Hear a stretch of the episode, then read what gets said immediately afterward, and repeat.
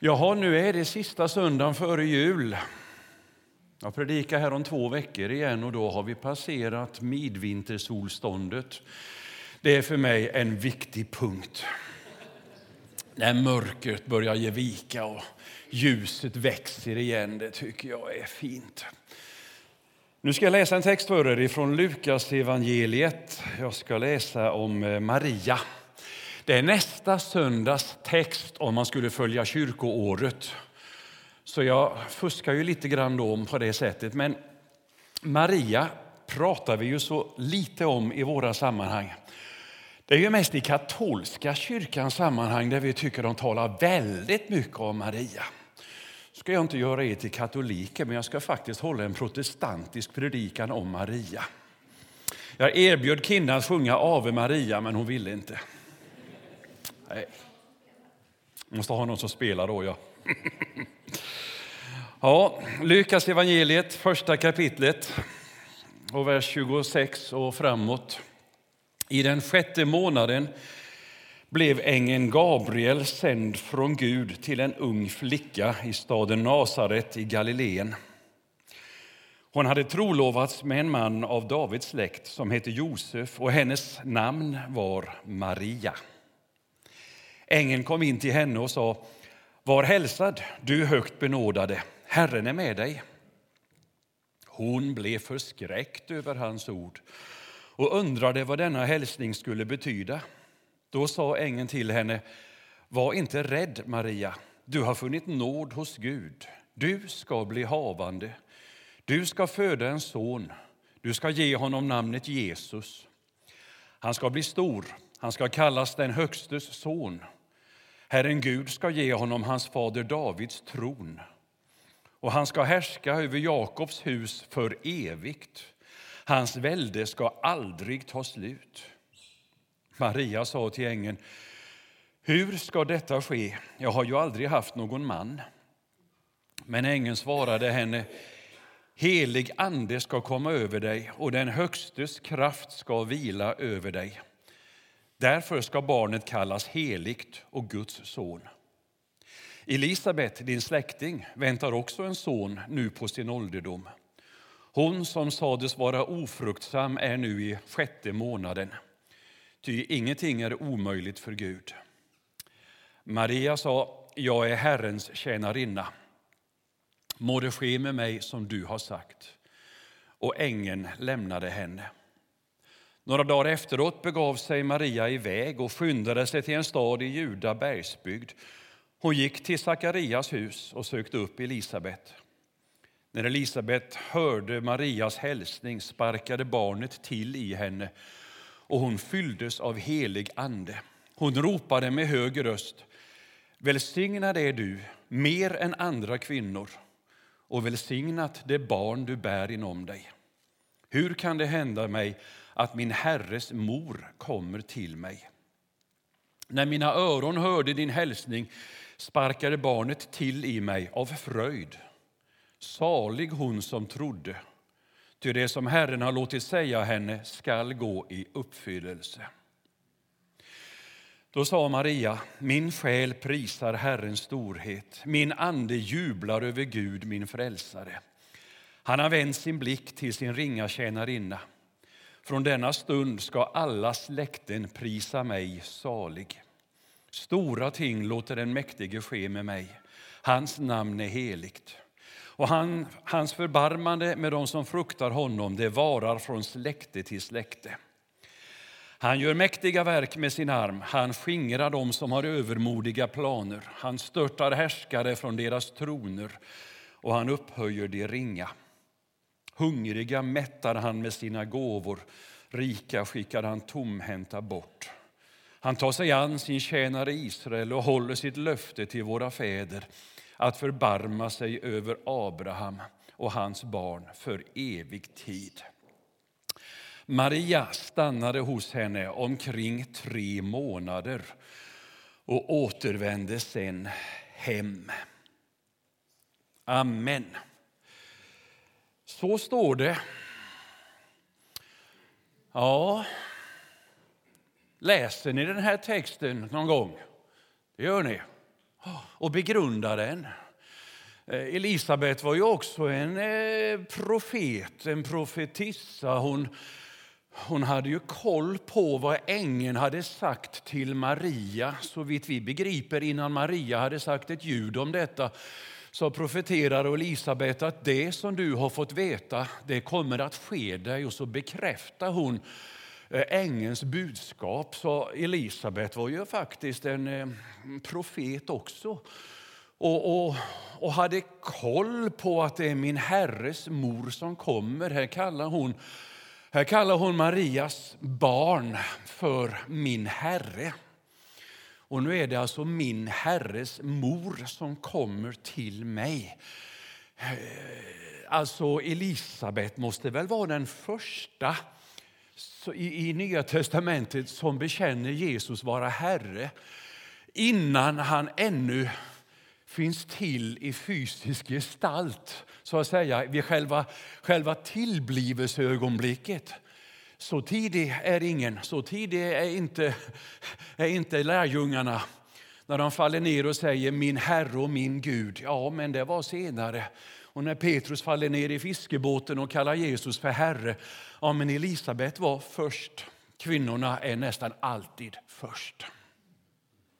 Så är det i Bibeln. Ja.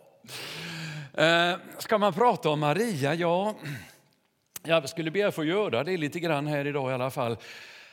Det står ju här, hon sjunger ju själv i sin lovsång när hon har fått denna hälsning och allt detta och den bekräftelse hon fick. Alla släkten på jorden ska prisa mig salig. Så att prisa Jesus, det är rätt. Det ska vi göra först och främst, för han är försonaren, han är frälsaren. Det är ju han som är Herren. Men vi ska också prisa Maria salig. Hon säger det, alla släkten på jorden ska prisa mig salig.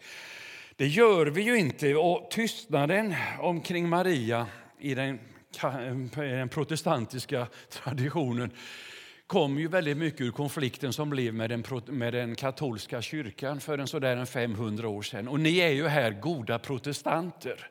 Ni är till och med evangelikaler, ni är till och med en pingströrelse tillhör den här församlingen. Som, eh, ja, det där kan man fundera på, vad ligger i de här olika begreppen? Det finns ju anderörelse, pingströrelse inom katolska kyrkan också.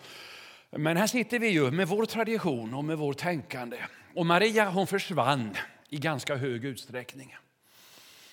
Ehm, ja, och den försvann nog efter reformationen. Egentligen bråkade Luther aldrig om Maria särskilt mycket. Vill ni ha lite läromässig information nu? Så, så var det ju inte runt Maria han bråkade. Nej, utan det var andra saker. Men sen när skilsmässan kom mellan de här stora kyrkorna då hittar man ju mer och mer saker att hänga upp sig på. Man drevs åt ytterligheter. Eh, då blev protestanterna så att ja, men det där hör nog till katolska kyrkan men Maria, sa vi tar bort. Det gjorde man inte på en gång, men successivt.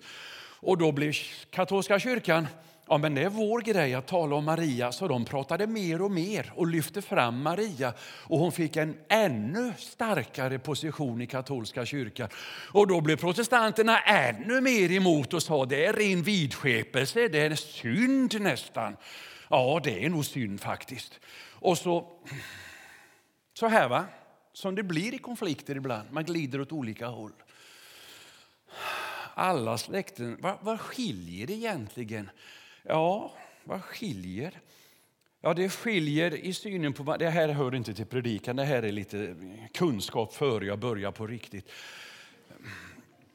Ja, men det skiljer synen på att katoliker säger Maria for till himlen, hon dog inte. Eh, det är lära i katolska kyrkan. Eh, och den läran bestämde man 1950. För då uttalade sig påven. Och då gjorde påven anspråk på sin möjlighet att vara ofelbar i läroutsaga 1950. Det är senaste gången en påve har gjort det. Och ingen människa vet om det någonsin mer kommer att ske. Men, men det är ju ganska ny lära alltså. Och då sa påven att Maria for direkt till himlen utan att dö. Det finns ingen antydan om detta i Nya testamentet. Och därför har protestanter sagt det kan vi inte göra någon lära av. Vill man tro så, så är det ju problemfritt, men man kan få tro vad man vill kring sådana saker. Eh, men man behöver inte göra lära av det. Nej.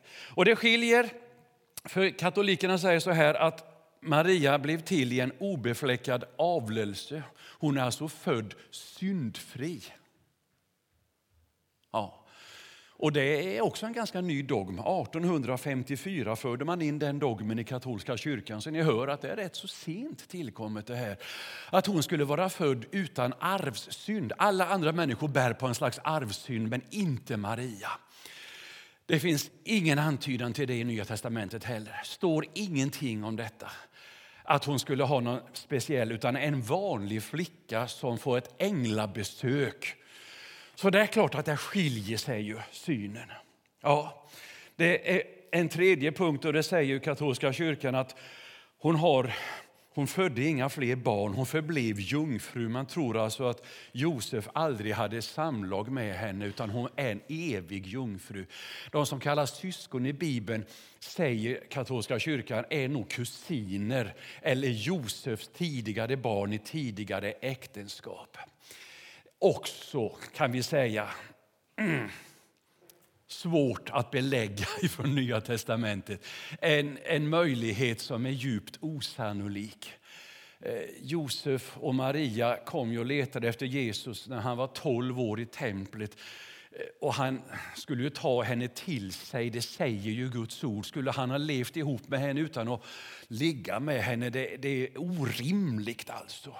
Så det är ju en lära som är Ja, naturligtvis, där skiljer det sig. Och sen är det ju det här att katolska kyrkan de säger man, kan, man ska inte tillbe Maria. Det gör kanske en del katoliker, men det ska man inte göra. Men man ska vörda henne, respektera, hålla henne salig, som Bibeln säger. Och så säger de ju man kan be om hennes förböner. Man kan alltså säga Maria, be för mig till Jesus eller till Fadern. Och så är det ju med helgon också. Man säger det och det helgonet kan man tala till och säga be för mig till Gud, du som lever närmare Gud. Eh, det finns ingen antydan om detta i Nya testamentet. Det gör det ju inte. Utan där står det ju, du kan be till Jesus direkt. Han har öppnat pärleporten, han, förlåten till templet är borta och vi kan han är den enda medlaren mellan himmel och jord, mellan Gud och människa. Han är den enda förblivande eviga medlaren. Till honom kan du bedja och det är han som förlåter din synd. Och det behövs ingen annan medlare. Så på det sättet så är ju en solklar skillnad. Sen sa ju en katolsk pater till mig när jag pratade, men du behöver inte vara så arg på mig, sa han. Jag var inte arg. Jag blir ju aldrig arg som ni vet. Men han sa, inför Gud lever alla människor. Och vi tror ju att de som går över på andra sidan, ja men de lever i en annan värld, i en annan tillvaro, på ett annat sätt. Om jag nu har sagt till min ja, till någon god människa här på jorden, be för mig. När vi sitter på bänkarna så här. Mamma, du kan väl be till Gud för mig? Och så får mamma göra det. Ja, men om hon då har dött och är på andra sidan, varför skulle det vara så farligt om jag då säger, mamma kan du inte också nu be för mig? Nej, farligt tycker jag inte att det är, men det finns inget bibliskt stöd för en sån hållning. Och då ska man vara försiktig med att bygga läror som går utöver det som är skrivet. Så där har ni lite kunskap om skillnaderna mellan katolska kyrkans tankar kring Maria. Men fortfarande står det ju kvar att, att vi ska hålla henne, ja, vörda henne och prisa henne salig. Maria blev en viktig förebild i ett mansdominerat samhälle. Man ska säga det med. Jag tror att det hade roll i att hon blev så viktig i kyrkan faktiskt. Eh, och, det, och det var ju att, att det var ju mest män som tog inte från början kanske, då var det väldigt mycket kvinnor med som var med och profeterade och fylldes av ande och så här vidare. Men sen, sen blev det ju männen som blev präster och så här. Och där blev ju Maria en viktig förebild för kvinnor som, som på det sättet fick eh, ja, se på henne och hennes stora roll. Hon blev en förebild för oss alla i detta att säga ja till Jesus. Tänk nu den här, den här händelsen när ängeln kommer och säger du ska, bli, du ska få föda en son. Hur ska det ske? Jag har aldrig haft någon man. Helig ande ska komma över dig och du ska bli havande.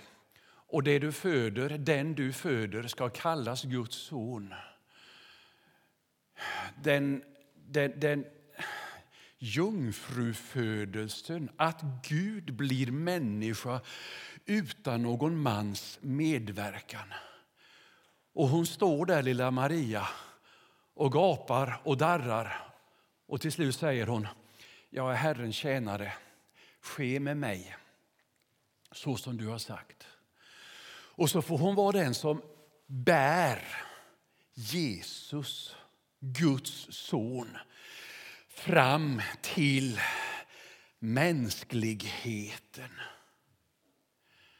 Ja, hon är faktiskt gudaföderska på det sättet. Gud är den som existerar av evighet, men när Gud blir kött tar han sin boning i hennes liv. Använder ett av hennes ägg. Men ingen mans sädescell. Skapar en ny varelse som bär drag av Maria.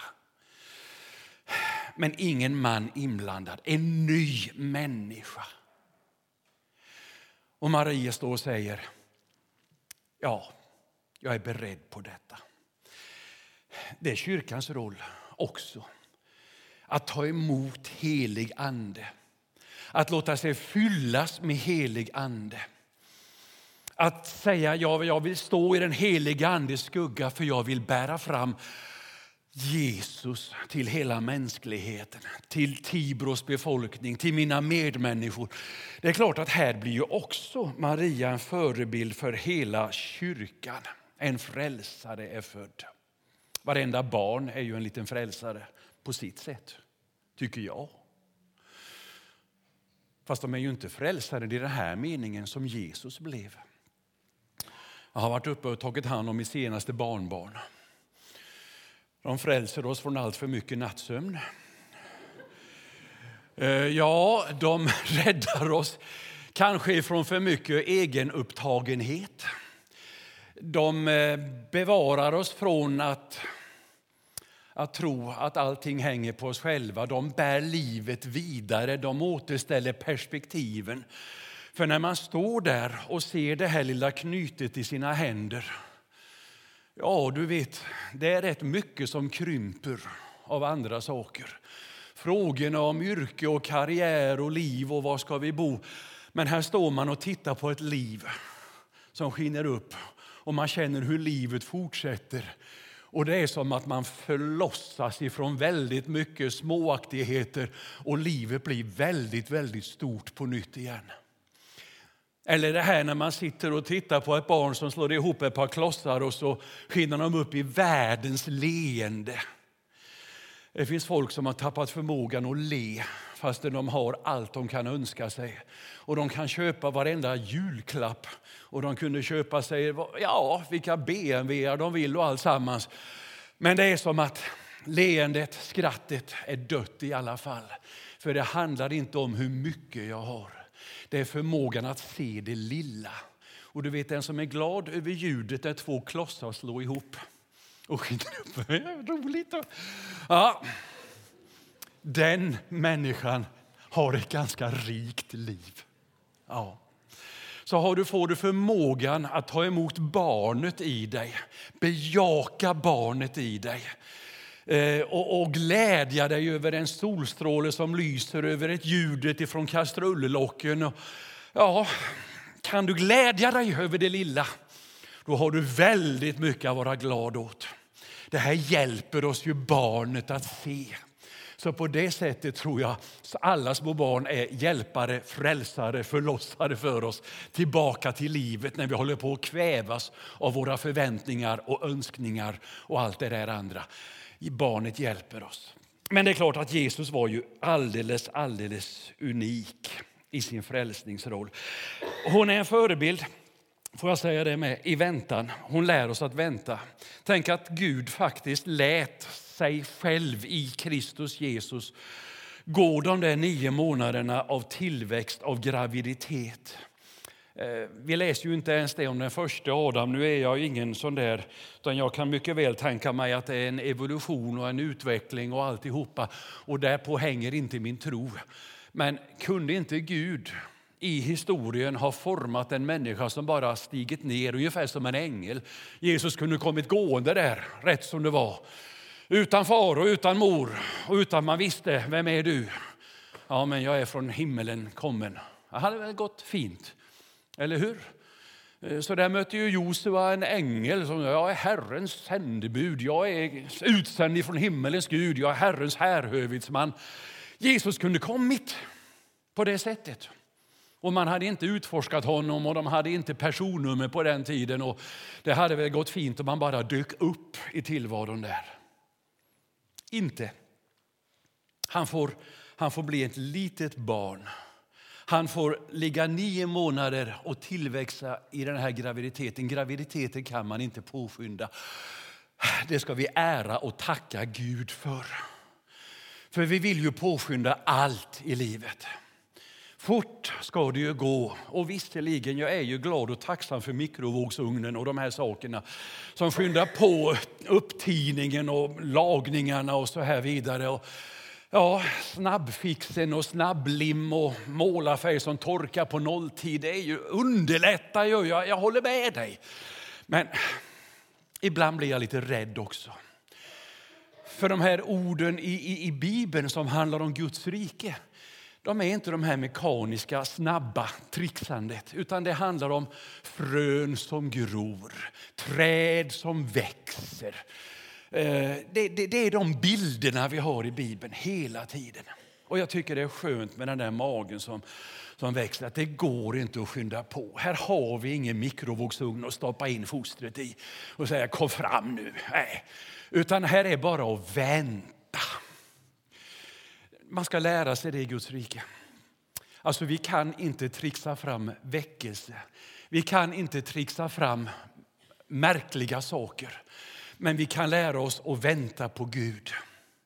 Och i rätt tid, i rätt stund och ibland utan att vi nästan märker det så sker stora ting mitt ibland oss. Underbara saker. Vänta tills den helige Ande blir sänd, säger Jesus. Vad kunde de göra? Ja, de kunde bara vänta i bön. Samlas i bön, vänta, bedja, tacka, arbeta. Men miraklerna de måste Herren själv få stå för. Trixa fram sånt funkar inte. funkar inte. Här är ju också Maria på det sättet en förebild för oss. För hon, hon fick vänta och låta det här fostret gro. Hennes ja till ängeln mm, det står ju i staden Nasaret i Galileen enligt Lukas evangeliet. Uh, I Matteus där står det ju inte så, utan där, eh, är, det vet vi ju inte riktigt. Och där står det ju sen när de kommer tillbaka från flykten till Egypten att de bosatte sig i en stad som hette Nasaret. Och då verkar det som att det är en helt ny ort de kommer till. Ja, är det Matteus eller Lukas som har rätt här? Det är ju en rätt spännande fråga egentligen. Ja, men här står det på det här sättet. Var hade hon Elisabet? Ja, Elisabet var långt därifrån för hon, hon var prästsläkt. Hon var gift med en präst och alla prästerna bodde nära Jerusalem. Så de bodde inte i Galileen, det är du säkert. Hon hade dagsvandringar att ta sig ner i så fall från Nasaret ner till, till Judeen. Kunde hon gå ensam? Nej, för all sin dag. Ensam kvinna, tre dagars vandring. Omöjligt. Hon måste ju vänta in någon grupp av människor som ska resa eller någon handelståg eller så. Ja, eller är möjligheten att hon bodde någonstans där nere och att Lukas har fel på en sån här uppgift. Kan det vara möjligt? Ja, det kan ni fundera på. Kan ni fundera på. Det spelar ju ingen roll för innehållet i själva texten. Ja, Tre månader stannade hon hos Elisabet. Ja, men det tyder ju på att hon hade gjort en lång resa. Hade det varit närmare så hade hon, hade hon väl kunnat gå hem emellanåt och sova. Kanske var det tre dagsrygn. Nasaret. Ja, då är det Matteus som inte visste om det riktigt, eller tänkte på det riktigt.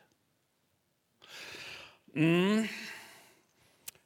40 dagars rening. Efter 40 dagar så skulle de gå till templet och rena. De verkar vara kvar i Jerusalem då.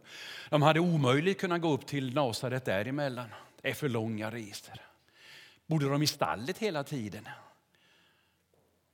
Tveksamt. Eller flyttar de hem till Sakarias och Elisabet eller någon annan? Alltså sånt där funderar jag på en del. Hur hade de det egentligen? För så här står det i alla fall när de kommer dit ner till, eh, till Betlehem där barnet ska födas. Att då fanns det ju inte plats för dem i, i härberget. Det fanns inte plats för dem. Gjorde det inte det? Nej, det står ju så. Varför fanns det inte plats för dem? Vad tror vi? Ja, men det kan ju vara så illa fullt av alla resenärer, så tänker vi ju, så att det inte är plats för dem. Eller kan det vara så här, tror ni? Att hon var en höggravid kvinna utanför äktenskapet. Och då fanns det inte plats för henne. Kan det vara så? Ungefär som en del kan få uppleva att det finns inte plats för mig på den svenska arbetsmarknaden. Inte beroende på att det saknas jobb, men för att jag har fel namn. Och då finns det inte plats för mig. Ja, så kan det också vara. Jag hade fasligt bråk i Jönköping för lite sen för, för det var något café som körde ut en människa ur kaféet därför att han dreglade. Han hade ett handikapp och det rann och han smackade och en del i omgivningen tyckte att det var otrevligt. Och personalen går och talar om för honom att det finns nog inte plats för dig på det här kaféet. Kan det vara så? Att det finns inte plats därför att man beter sig på ett sätt eller är i en situation som inte är accepterad riktigt eller har ett felaktigt namn. Är det den snålheten hon känner av i samhället? I så fall blir det ju ganska mycket djupare den här frågan. När det står det fanns inte plats för dem i härberget. Nej. Men en del som inte hittar platsen på härbergerna och elithotellen, de hittar platsen hos någon fattig krake som har en åsna i ett stall och säger ja, men här får du komma in. Gud var ett tack för de där fattiga som öppnar sina dörrar. Och de kaféerna som säger att du kan få sitta här fast du nu är handikappad och smackar och snörvlar lite. För vi tycker det är fint att du är här mitt ibland oss. Vi har plats för dig. Mm. Ja. Det fanns inte plats för dem i härberget. Och sen måste de fly ner i Egypten. Ja, hur präglade det dem? Vem vill fly? Ingen vill fly. Hade de vänner där nere? Var tog de vägen i Egypten? Ja, det vet vi inte, men det bodde fler judar i Egypten än uppe i Palestinaområdet eller Israelområdet. Så förmodligen hade de släktingar. Nästan alla judar hade släkt i Egypten. Det var en stor, stor judisk koloni. 200 000 judar bara i Alexandria. Så det är möjligt. Men du vet det där, för Josef, ha en egen verkstad, äta mitt eget bröd. Här äter jag andras. Här är jag utböling. Här är jag en tiggare. Inte roligt. Hur präglade det här Maria? Påverkade det uppfostran av Jesus? För det var väl Maria som skötte den i hög grad. Ja, men han var Guds son. Han var så snäll från början. För Han var snäll av evighet, för Gud är god. Ja, men han var ju en människa. Han var en vanlig människa som du och jag. Skulle alltsammans det här gå över Maria också för att hon skulle sätta värderingar i Jesus som hon hade lärt sig den tuffa vägen? Gud går mänskliga vägar. Gud går mänskliga vägar för att utföra sitt heliga tjänst. Och Det är en spännande tanke att det här var vägar för Maria skulle prägla Jesus och hans barndomsvärderingar som skulle hålla sig hela livet. Eh, omsorgen om den fattige, den utstötte, syndaren. Ramlade det bara ner från Gud fader i himlen?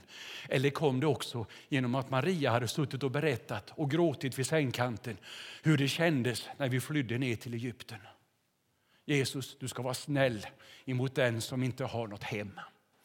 Du ska vara barmhärtig mot dem som kanske har levt ett fel liv och omgivningen dömer. Men du ska inte döma, för jag vet hur det känns att vara dömd. Då hade ju Maria en del i spelet så att säga för att Jesus skulle bli den han blev. Ja, ja, vi ska inte negligera Maria, även om vi inte ska gå in och införa de obibliska lärorna. Mm. Jesus han var i templet och det står där att Maria begrundade och gömde allt detta i sitt hjärta. Det Simeon hade sagt. Och Simeon hade sagt att också genom din, din själ ska ett svärd gå. Är, är, är kvinnorna mer, det här var usch, nej, vad ska man generalisera. Är kvinnor mer att begrunda i sitt hjärta? Det står inte om Josef att han begrundar i sitt hjärta. Nej, han hade ju sitt snickeri att tänka på och andra grejer.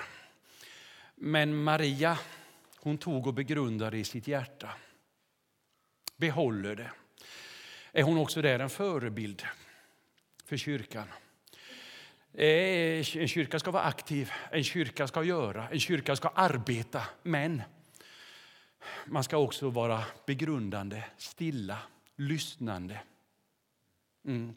Ta in i sitt hjärta och låta saker och ting mogna i tid. Hjälpte det henne i livet? När gick svärdet genom Marias själ? För det hade ju Simeon sagt kommer att säga. Vi läser det på juldagen här. Gick ett, när gick svärdet genom Marias själ? Ja, ja, det är klart att det går ett svärd flera gånger. Gör det ju när, man, när barnen blir vuxna och flyttar hemifrån. Men det är också sunt och friskt.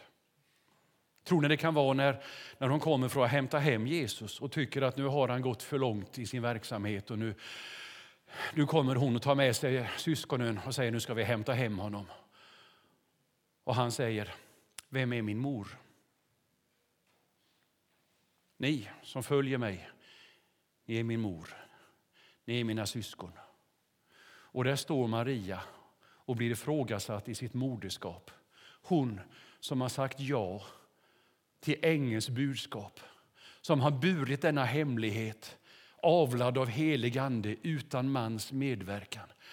Hon som har uppfostrat honom med all sitt hjärta, all sin själ, all sin kraft. Och han står och säger, vem är min mor? Det var ett svärd. Det är inte så gratis alla gånger att vara mamma och pappa heller.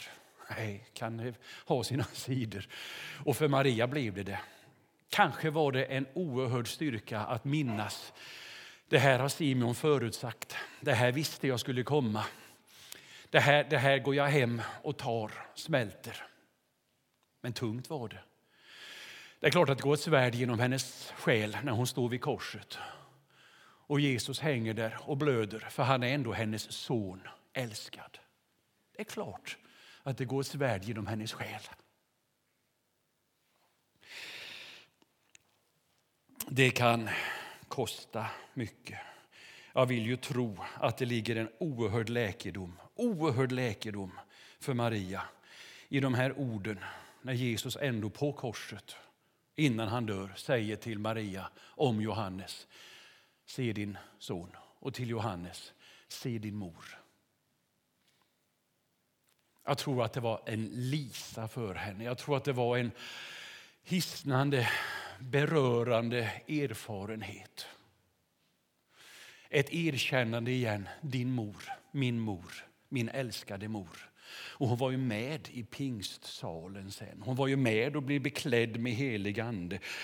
Ja, hon var med i bönen på, i Apostlagärningarnas början och sen försvinner hon ut ur historien så vi, vi vet. Allt det andra sen är legender som har byggts. Påbyggnader som har gjorts till lärosatser, men sånt vi inte kan läsa ut ifrån skriften. Men detta, det kan vi läsa ifrån skriften. Hon var med och hon blev andefylld. Hon var med i, i, i salen och alla fylldes av helig ande. Även hon. Också det där kan ju tyda på att visst var hon en vanlig människa. En syndare som alla andra. Men fick nåden att bli berörd ifrån himmelens Gud. Maria, en förebild för dig. En förebild för mig som man också. En förebild för hela den kristna församlingen. Men det handlar hela tiden om att bära fram Jesus. Hon är aldrig mer än en förmedlare utav honom som är den evige. Detta var en protestantisk Maria-predikan. Tack för att du har lyssnat. Mm. Nu ber jag en bön. Helige Ande, du som överskuggade Maria, fyllde henne, skapade ett nytt liv i henne. Du vill överskugga oss, fylla oss med dig själv så som skedde på pingstdagen och så som är den verklighet vi har att leva i.